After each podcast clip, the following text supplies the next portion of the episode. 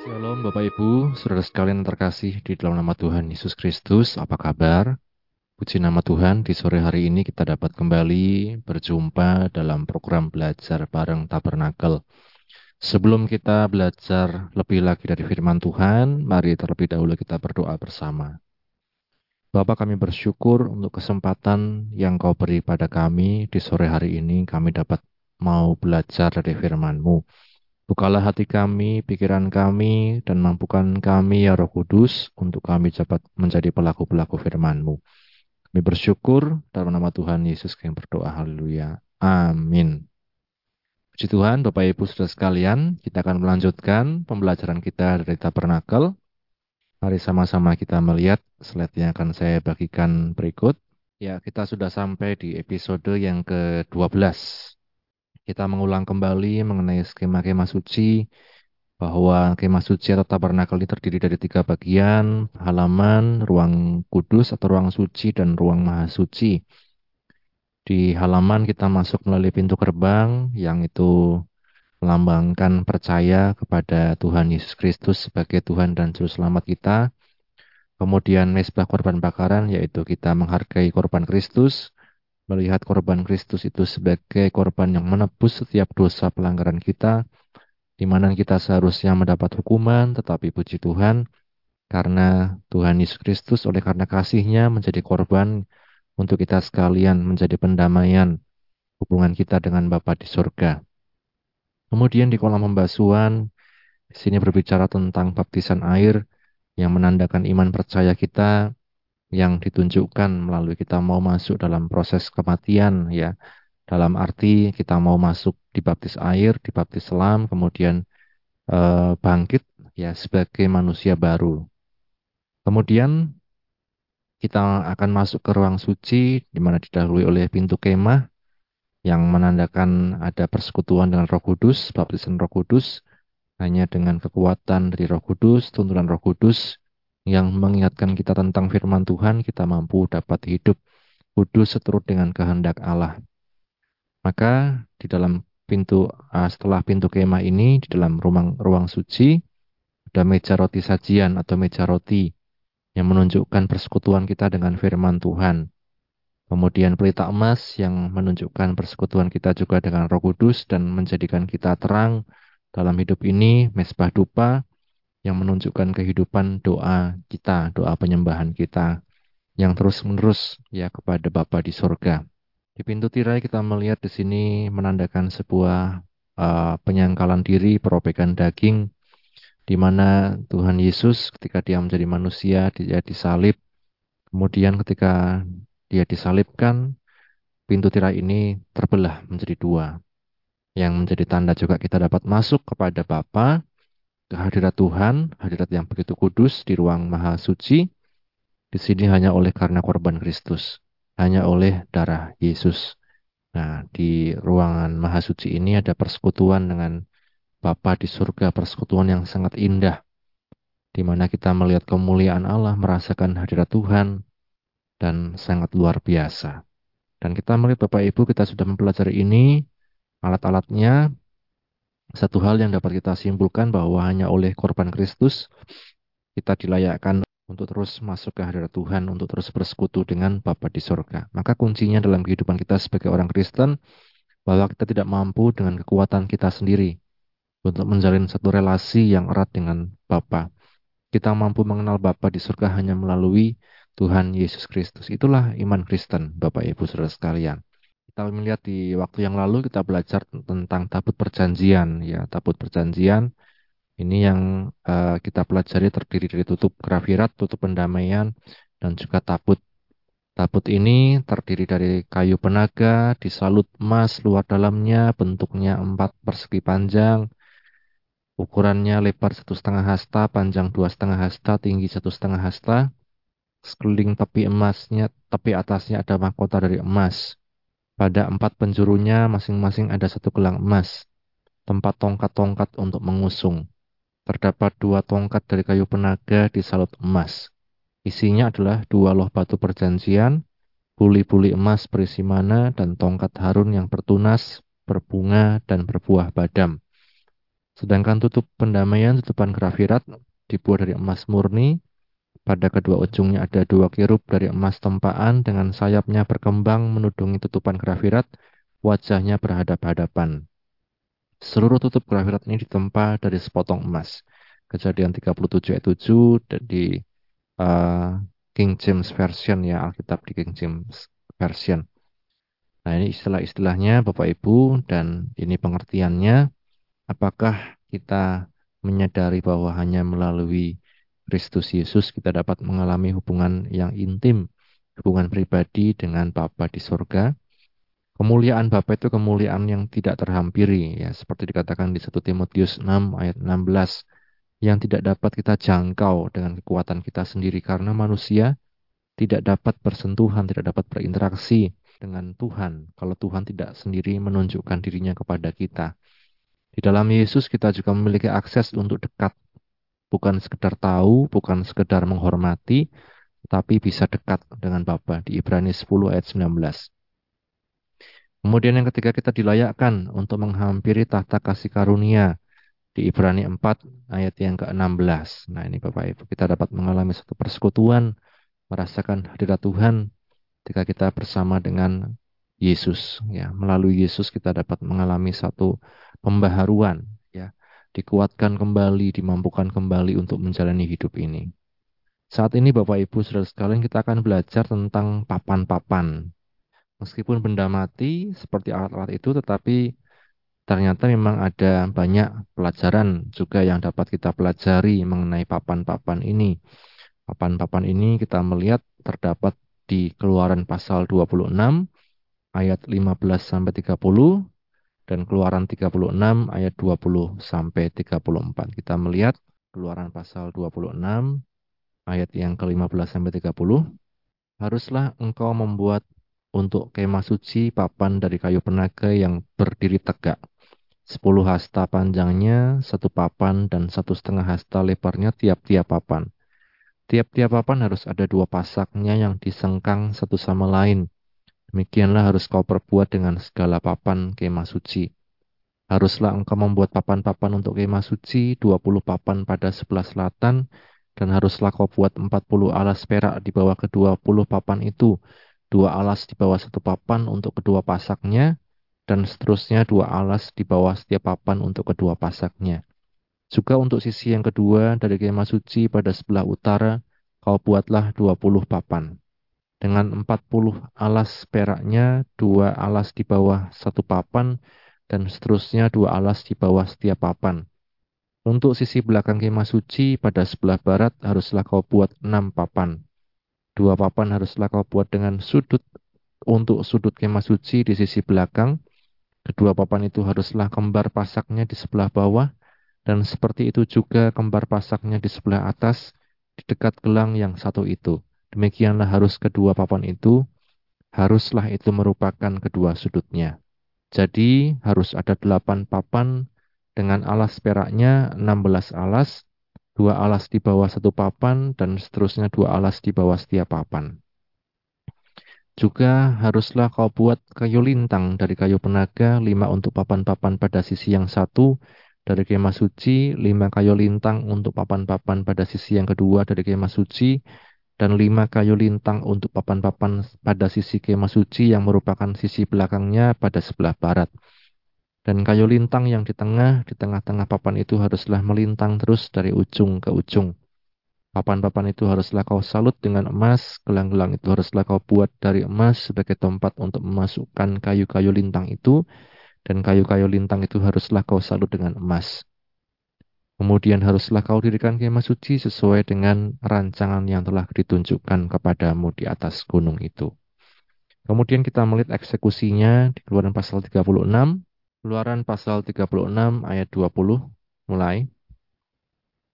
Dibuat oranglah untuk kemah suci itu papan dari kayu penaga yang berdiri tegak. Sepuluh hasta panjangnya satu papan dan satu setengah hasta lebarnya tiap-tiap papan. Tiap-tiap papan ada dua pasaknya yang disangkang satu sama lain, demikianlah diperbuat dengan segala papan kemah suci. Dibuat oranglah papan-papan untuk kemah suci, 20 papan pada sebelah selatan, dan 42 40 alas perak dibuat orang di bawah ke-20 papan itu dua alas di bawah satu papan untuk kedua pasangnya dan seterusnya dua alas di bawah setiap papan untuk kedua pasangnya. Juga dibuat orang untuk sisi yang kedua pada kemah suci pada sebelah utara 20 papan. Dengan 40 alas peraknya, dua alas di bawah satu papan, dan seterusnya dua alas di bawah setiap papan. Untuk sisi belakang kemah suci pada sebelah barat dibuat oranglah enam papan. Dua papan dibuat orang untuk sudut kemah suci di, sebelah, di sisi belakang. Kedua papan itu kembar pasaknya di sebelah bawah dan seperti itu juga kembar pasaknya di sebelah atas di dekat gelang yang satu itu. Demikianlah dibuat orang dengan kedua papan untuk kedua sudutnya itu. Jadi ada delapan papan dengan alas peraknya, enam belas alas, dua-dua alas di bawah satu papan. Dibuat jugalah kayu lintang dari kayu penaga, lima untuk papan-papan pada sisi yang satu dari kemah suci, lima kayu lintang untuk papan-papan pada sisi yang kedua dari kemah suci, dan lima kayu lintang untuk papan-papan kemah suci yang merupakan sisi belakangnya pada sebelah barat. Dibuat oranglah kayu lintang yang di tengah menjadi melintang terus di tengah-tengah papan itu dari ujung ke ujung. Papan-papan itu disalut dengan emas, gelang-gelang itu dibuat dari emas sebagai tempat memasukkan kayu-kayu lintang itu dan kayu-kayu lintang itu disalut dengan emas. Amin. Cukup panjang ya Bapak Ibu Saudara sekalian. Kita akan melihat pengertian apa yang bisa kita peroleh dari papan-papan ini. Dan kalau kita kembali tentang pelajaran ini, Eh, kita melihat beberapa ringkasannya. Papan-papan ini dibuat dari kayu penaga, disalut emas. Ukurannya lebar satu setengah hasta, tinggi 10 hasta, tebalnya tidak disebutkan. Kaki tiap-tiap papan punya dua kaki dari perak yang beratnya masing-masing satu talenta. Seluruhnya terdapat 48 papan, jadi ada 96 kaki, 96 talenta berdiri berjajaran dengan dua pemegang yang masuk dalam papan sebelahnya. Papan-papan ini diikat dengan satu, diikat menjadi satu dengan palang-palang yang melintang. Palang-palang ini dibuat dari kayu penaga diselut emas. Pada tiap sisi terdapat lima palang. Palang yang di tengah melintang sepanjang sisi-sisi kemah. Palang-palang itu masuk ke dalam gelang-gelang emas yang terdapat pada papan-papan papan tersebut. Pada kedua penjuru belakang ada dua papan penjuru yang khusus. Kita melihat Bapak Ibu kurang lebih bentuknya seperti ini. Jadi ada papan, ada kayu melintang, kemudian ada juga alas perak ya. Jadi sangat uh, sistematis dan terukur apa yang Tuhan berikan ukuran-ukurannya kepada Musa dan dikerjakan oleh Besaleel dan Aholiab. Ada rencana, ada perintah, ada eksekusi. Kita lihat Bapak Ibu sudah sekalian beberapa istilah tentang papan. Ini hampir sama semuanya ya. Ada yang mengistilahkan papan, ada yang mengistilahkan jenang, ada yang mengistilahkan papan. Kayu penaga sama kemah suci, kemah sembayang, pemegang, pemegangan, pasak, ya, kaki, alas, penjuru, sudut, gelang, cincin, palang, kayu lintang, palang tengah, palang yang di tengah, kayu lintang yang tengah, salut sama semua, emas sama semua. Nah, kemudian yang menjadi pertanyaan apa artinya? Apa arti rohani dalam pertumbuhan iman? Kalau pintu gerbang itu menerima Tuhan Yesus, mesbah korban bakaran tentang korban Kristus, ada keampunan dosa, ada tersalib dengan Kristus, kolom pembasuhan berbicara tentang baptisan air, hidup baru, pintu kemah berbicara tentang baptisan roh kudus, hidup bersama dengan roh kudus dalam tuntunannya, meja roti pertunjukan tumbuh dalam kesucian karena persekutuan dengan firman dan di perjamuan suci juga ada roti yang mengingatkan kita tentang korban Kristus. Pelita bertumbuh dalam pelayanan, kemudian mesbah dupa tumbuh dalam doa, kemudian papan tumbuh dalam persekutuan tubuh Kristus. Ya, maksudnya bagaimana? Kita melihat papan-papan ini Bapak Ibu tidak mudah ya disatukan, perlu ada proses satu sama yang lain. Dalam pengertian rohani juga manusia sering kali digambarkan seperti kayu ya. Dan ini kita melihat papan-papan ini Bapak Ibu bisa melambangkan bagaimana orang-orang itu bisa dipersatukan. Dipersatukan itu lewat proses, dipotong, diukur, kemudian dikasih alas perak, kemudian nantinya disatukan dengan kayu yang melintang, kemudian disalut dengan emas. Kita sebagai manusia seperti kayu penaga ini menjadi berharga ketika Tuhan Yesus ada bersama dengan kita. Yang ditunjukkan dengan salutan emas ini, kemuliaan. Kemuliaan Tuhan yang menyelimuti setiap kehidupan manusia diibaratkan seperti kayu penaga yang disalut emas. Jadi bukan hanya bersatu, bertambah berharga, juga menjadi kuat karena kesatuan dalam tubuh Kristus. Meskipun berbeda-beda, tetapi kita bisa bersatu oleh karena korban Kristus. Ya, itu Bapak Ibu sekalian salah satu pengertiannya bahwa kita tumbuh dalam persekutuan tubuh Kristus. Apakah kita sadar bahwa hanya di dalam Kristus kita pertama mendapat perlindungan? Papan-papan ini Bapak Ibu selain bersatu mereka juga berfungsi untuk melindungi apa yang terkungkung dalam papan-papan tersebut. Kita melihat bahwa Tuhanlah yang menjadi perlindungan kita yang sejati di Mazmur pasal 91. Kita lihat bersama ayat 1 dan 2. Mazmur 91 ayat 1 dan 2. Orang yang duduk dalam lindungan yang maha tinggi dan bermalam dalam naungan yang maha kuasa akan berkata kepada Tuhan, tempat perlindunganku dan kubu pertahananku, Allahku yang kupercayai. Amin. Di dalam Tuhan kita mendapat perlindungan. Ya, seperti papan itu, kita terlindung dari segala hal yang mungkin akan mengganggu kita dan lain sebagainya. Di papan ini alat-alat kemah suci terlindungi. Di papan tersebut Berbagai macam alat yang berharga terlindungi, bahkan imam-imam pun terlindungi di sana. Jadi digambarkan seperti juga gambaran perlindungan Tuhan bagi umatnya yang berada di dalam Kristus. Yang kedua, kita semakin dewasa dengan mengetahui batasan. Ya, kenapa harus ada papan? Karena selain untuk melindungi, juga menjadi batasan. Kita jadi tahu batasan mana ini yang ruang kudus, ini yang halaman. Ya, kita jadi tahu karena ada papan-papan yang membatasi. Ya, Bapak Ibu sekalian kita melihat dalam Kolose pasal 2, Kolose pasal 2 mulai dari ayat yang ke-16, karena itu janganlah kamu biarkan orang menghukum kamu mengenai makanan dan minuman atau mengenai hari raya, bulan baru ataupun hari sabat. Semuanya ini hanyalah bayangan dari apa yang harus datang sedang wujudnya ialah Kristus. Janganlah kamu biarkan kemenanganmu digagalkan oleh orang yang pura-pura merendahkan diri dan beribadah kepada malaikat serta berkanjang pada penglihatan-penglihatan dan tanpa alasan membesarkan diri oleh pikirannya yang duniawi.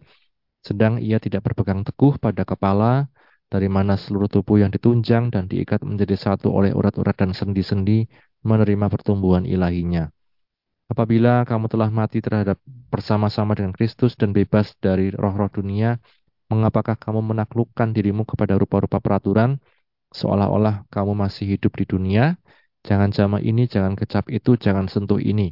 Semuanya itu hanya mengenai barang yang binasa oleh pemakaian dan hanya menurut perintah-perintah dan ajaran-ajaran manusia. Peraturan-peraturan ini walaupun nampaknya penuh hikmat dengan ibadah buatan sendiri seperti merendahkan diri, menyiksa diri tidak ada gunanya selain untuk memuaskan hidup duniawi. Kita lihat Bapak Ibu, kalau zaman dulu Uh, batasannya itu apa? Batasannya itu dikatakan uh, berbagai macam peraturan yang itu mengikat. Berbagai macam peraturan yang itu mengikat yang dikatakan itu membuat kita malah merasa tidak berdaya. Jangan jamaah ini, jangan kecap itu memelihara berbagai macam hari dan lain sebagainya. Tapi kita melihat uh, di pasal 2 ayat yang ke-17 ini dikatakan semua itu hanyalah bayangan dari apa yang harus datang sedang wujudnya ialah Kristus. Semua itu hanyalah bayangan dari apa yang akan datang sedang wujudnya ialah Kristus. Maksudnya bagaimana? Bahwa sering kali sampai zaman sekarang pun orang masih sering kali bertanya, saya kalau melakukan ini salah apa enggak? Saya kalau mabuk salah enggak? Saya kalau ngerokok salah enggak? Saya kalau narkoba salah enggak? Saya kalau apa-apa uh, salah pandang. Seringkali orang masih bertanya seperti itu. Ya, Bapak Ibu Saudara sekalian dan kita kalau kita melihat firman Tuhan, kita dapat berkata kan tidak ada ayatnya di Alkitab saya tidak boleh ini, tidak boleh itu. Kan tidak ada ayatnya peraturannya di Alkitab saya tidak boleh ini itu. Nah, di ayat 17 tadi di Kolose 2 firman Tuhan katakan batasan kita sekarang adalah Kristus. Wujudnya ialah Kristus. Kalau kita mengasihi Tuhan Yesus, kalau kita mengenal Kristus dikatakan kita jadi tahu apa yang baik untuk kita, apa yang tidak baik untuk kita. Bukan sekedar apa yang tertulis di firman Tuhan, karena celahnya banyak. Nanti orang katakan kan tidak ada ayatnya saya tidak boleh merokok. Kan tidak ada ayatnya saya tidak boleh melakukan ini, itu, dan lain sebagainya. Nah, tapi kalau kita mengenal Kristus, Bapak Ibu, kita tahu bahwa Kristus itu menjadi teladan kita, kita perlu mengikuti jejak Kristus. Jadi tahu hati nurani kita, apa yang baik, yang sesuai dengan uh, keinginan Tuhan, kita jadi mengerti. Tidak perlu orang katakan, tidak perlu tertulis di Alkitab, kita jadi tahu. Karena saya mengasihi Kristus, karena saya mengenal Kristus, karena saya meneladani Kristus, maka saya akan hidup untuk Kristus, bukan hanya untuk keinginan saya sendiri. Orang yang di dalam Kristus dikatakan dia akan melepaskan diri dari segala ikatan-ikatan, apa pun itu. Segala sesuatu yang kita jadikan berhala, yang mengikat kita, yang kita tidak bisa lepas darinya, firman Tuhan katakan hanya dapat dilepaskan oleh Kristus Yesus. Karya Kristus yang memampukan kita. Maka kita jadi tahu batasan kita semakin dewasa itu bukan sekedar yang tertulis, tetapi Kristus. Pengenalan kita pada Kristus itu yang membatasi kita. Apa yang baik, apa yang tidak baik, ya kita bisa persembahkan apa yang hidup, kudus, dan yang berkenan kepada Tuhan. Ya. Yang ketiga, kita diarahkan untuk terus fokus kepada Kristus dan karya penebusannya. Bapak Ibu bayangkan kalau berada dalam papan tersebut, dalam uh, batasan papan tersebut, mau tidak mau, arah kita, fokus kita, pandangan kita terbatas, terfokus ya kepada apa yang ada dalam kemah suci. Nah, demikian pun kita dalam hidup ini kita diarahkan untuk terus fokus kepada Kristus dan karya penebusannya. Kita melihat di dalam Ibrani pasal 12 mulai dari ayat 1 Ibrani pasal yang ke-12 mulai dari ayat 1 karena kita mempunyai banyak saksi bagaikan awan yang mengelilingi kita marilah kita menanggalkan semua beban dan dosa yang begitu merintangi kita dan berlomba dengan tekun dalam perlombaan yang diwajibkan bagi kita. Marilah kita melakukannya dengan mata yang tertuju kepada Yesus yang memimpin kita dalam iman dan yang membawa iman kita itu kepada kesempurnaan yang dengan mengabaikan kehinaan, tekun memikul salib, ganti sukacita yang disediakan bagi dia yang sedang yang sekarang duduk di sebelah kanan tahta Allah. Ingatlah selalu akan dia yang tekun menanggung bantahan yang sehebat itu terhadap dirinya dari pihak orang-orang berdosa supaya jangan kamu menjadi lemah dan putus asa. Fokusnya di mana dikatakan marilah kita melakukannya dengan mata yang tertuju pada Yesus Ya tadi dikatakan dan yang kedua dikatakan ingatlah selalu akan Dia. Kita tidak bisa melihat Tuhan secara langsung kasat mata, tetapi firman Tuhan katakan caranya ingatlah selalu akan Dia dengan hati pikiran kita. Firman Tuhan katakan ingatlah selalu akan Dia. Maka tiap bulan bahkan ada gereja-gereja yang tiap minggu mengadakan perjamuan kudus. Ada yang bahkan tiap ibadah perjamuan kudus. Kita di GPGH tiap bulan mengingat karya Kristus lewat perjamuan kudus. Demikian juga Bapak Ibu sekalian seperti papan-papan ini yang membatasi pandangan kita, yang membatasi uh, jarak pandang kita, mata kita. Kita pun mari terus fokus pada Kristus Yesus dan karya penebusannya. Ini Bapak Ibu sekalian hal-hal yang dapat kita pelajari dari papan-papan. Meskipun benda mati, meskipun sepertinya biasa untuk kita melihat papan, tetapi kita dapat belajar banyak hal dari papan-papan tersebut. Amin. Demikian Bapak Ibu sekalian bisa saya sampaikan di sore hari ini kiranya menjadi berkat untuk kita sekalian dan mari sama-sama kita berdoa. Bapak kami bersyukur untuk firman yang telah kami baca, kami dengar, kami renungkan. Tolong kami menjadi papan-papan yang hidup, yang disalut emas, yang berharga oleh karena korbanmu ya Tuhan. Tolong kami untuk dapat bersatu satu sama yang lain, karena Engkaulah yang persatukan kami lewat tubuh dan darahmu ya Yesus. Dan tolong kami untuk menjadi saksimu di mana pun kami berada, menjadi alat untuk kemuliaan namamu. Berkatilah umatmu yang sudah mendengar firmanmu di mana pun berada, apa pun yang menjadi pergumulan mereka, engkau yang tahu dan engkau yang menolong. Terima kasih Bapak, kami sudah terima firmanmu dan biarlah kami menjadi pelaku firman dalam kehidupan kami sehari-hari. Terima kasih Bapak, ini doa kami, akhirnya kami tutup. Tuhan program kami di sore hari ini. Dalam nama Tuhan Yesus yang berdoa. Haleluya. Amin. Di nama Tuhan, Tuhan Yesus memberkati kita sekalian. Amin.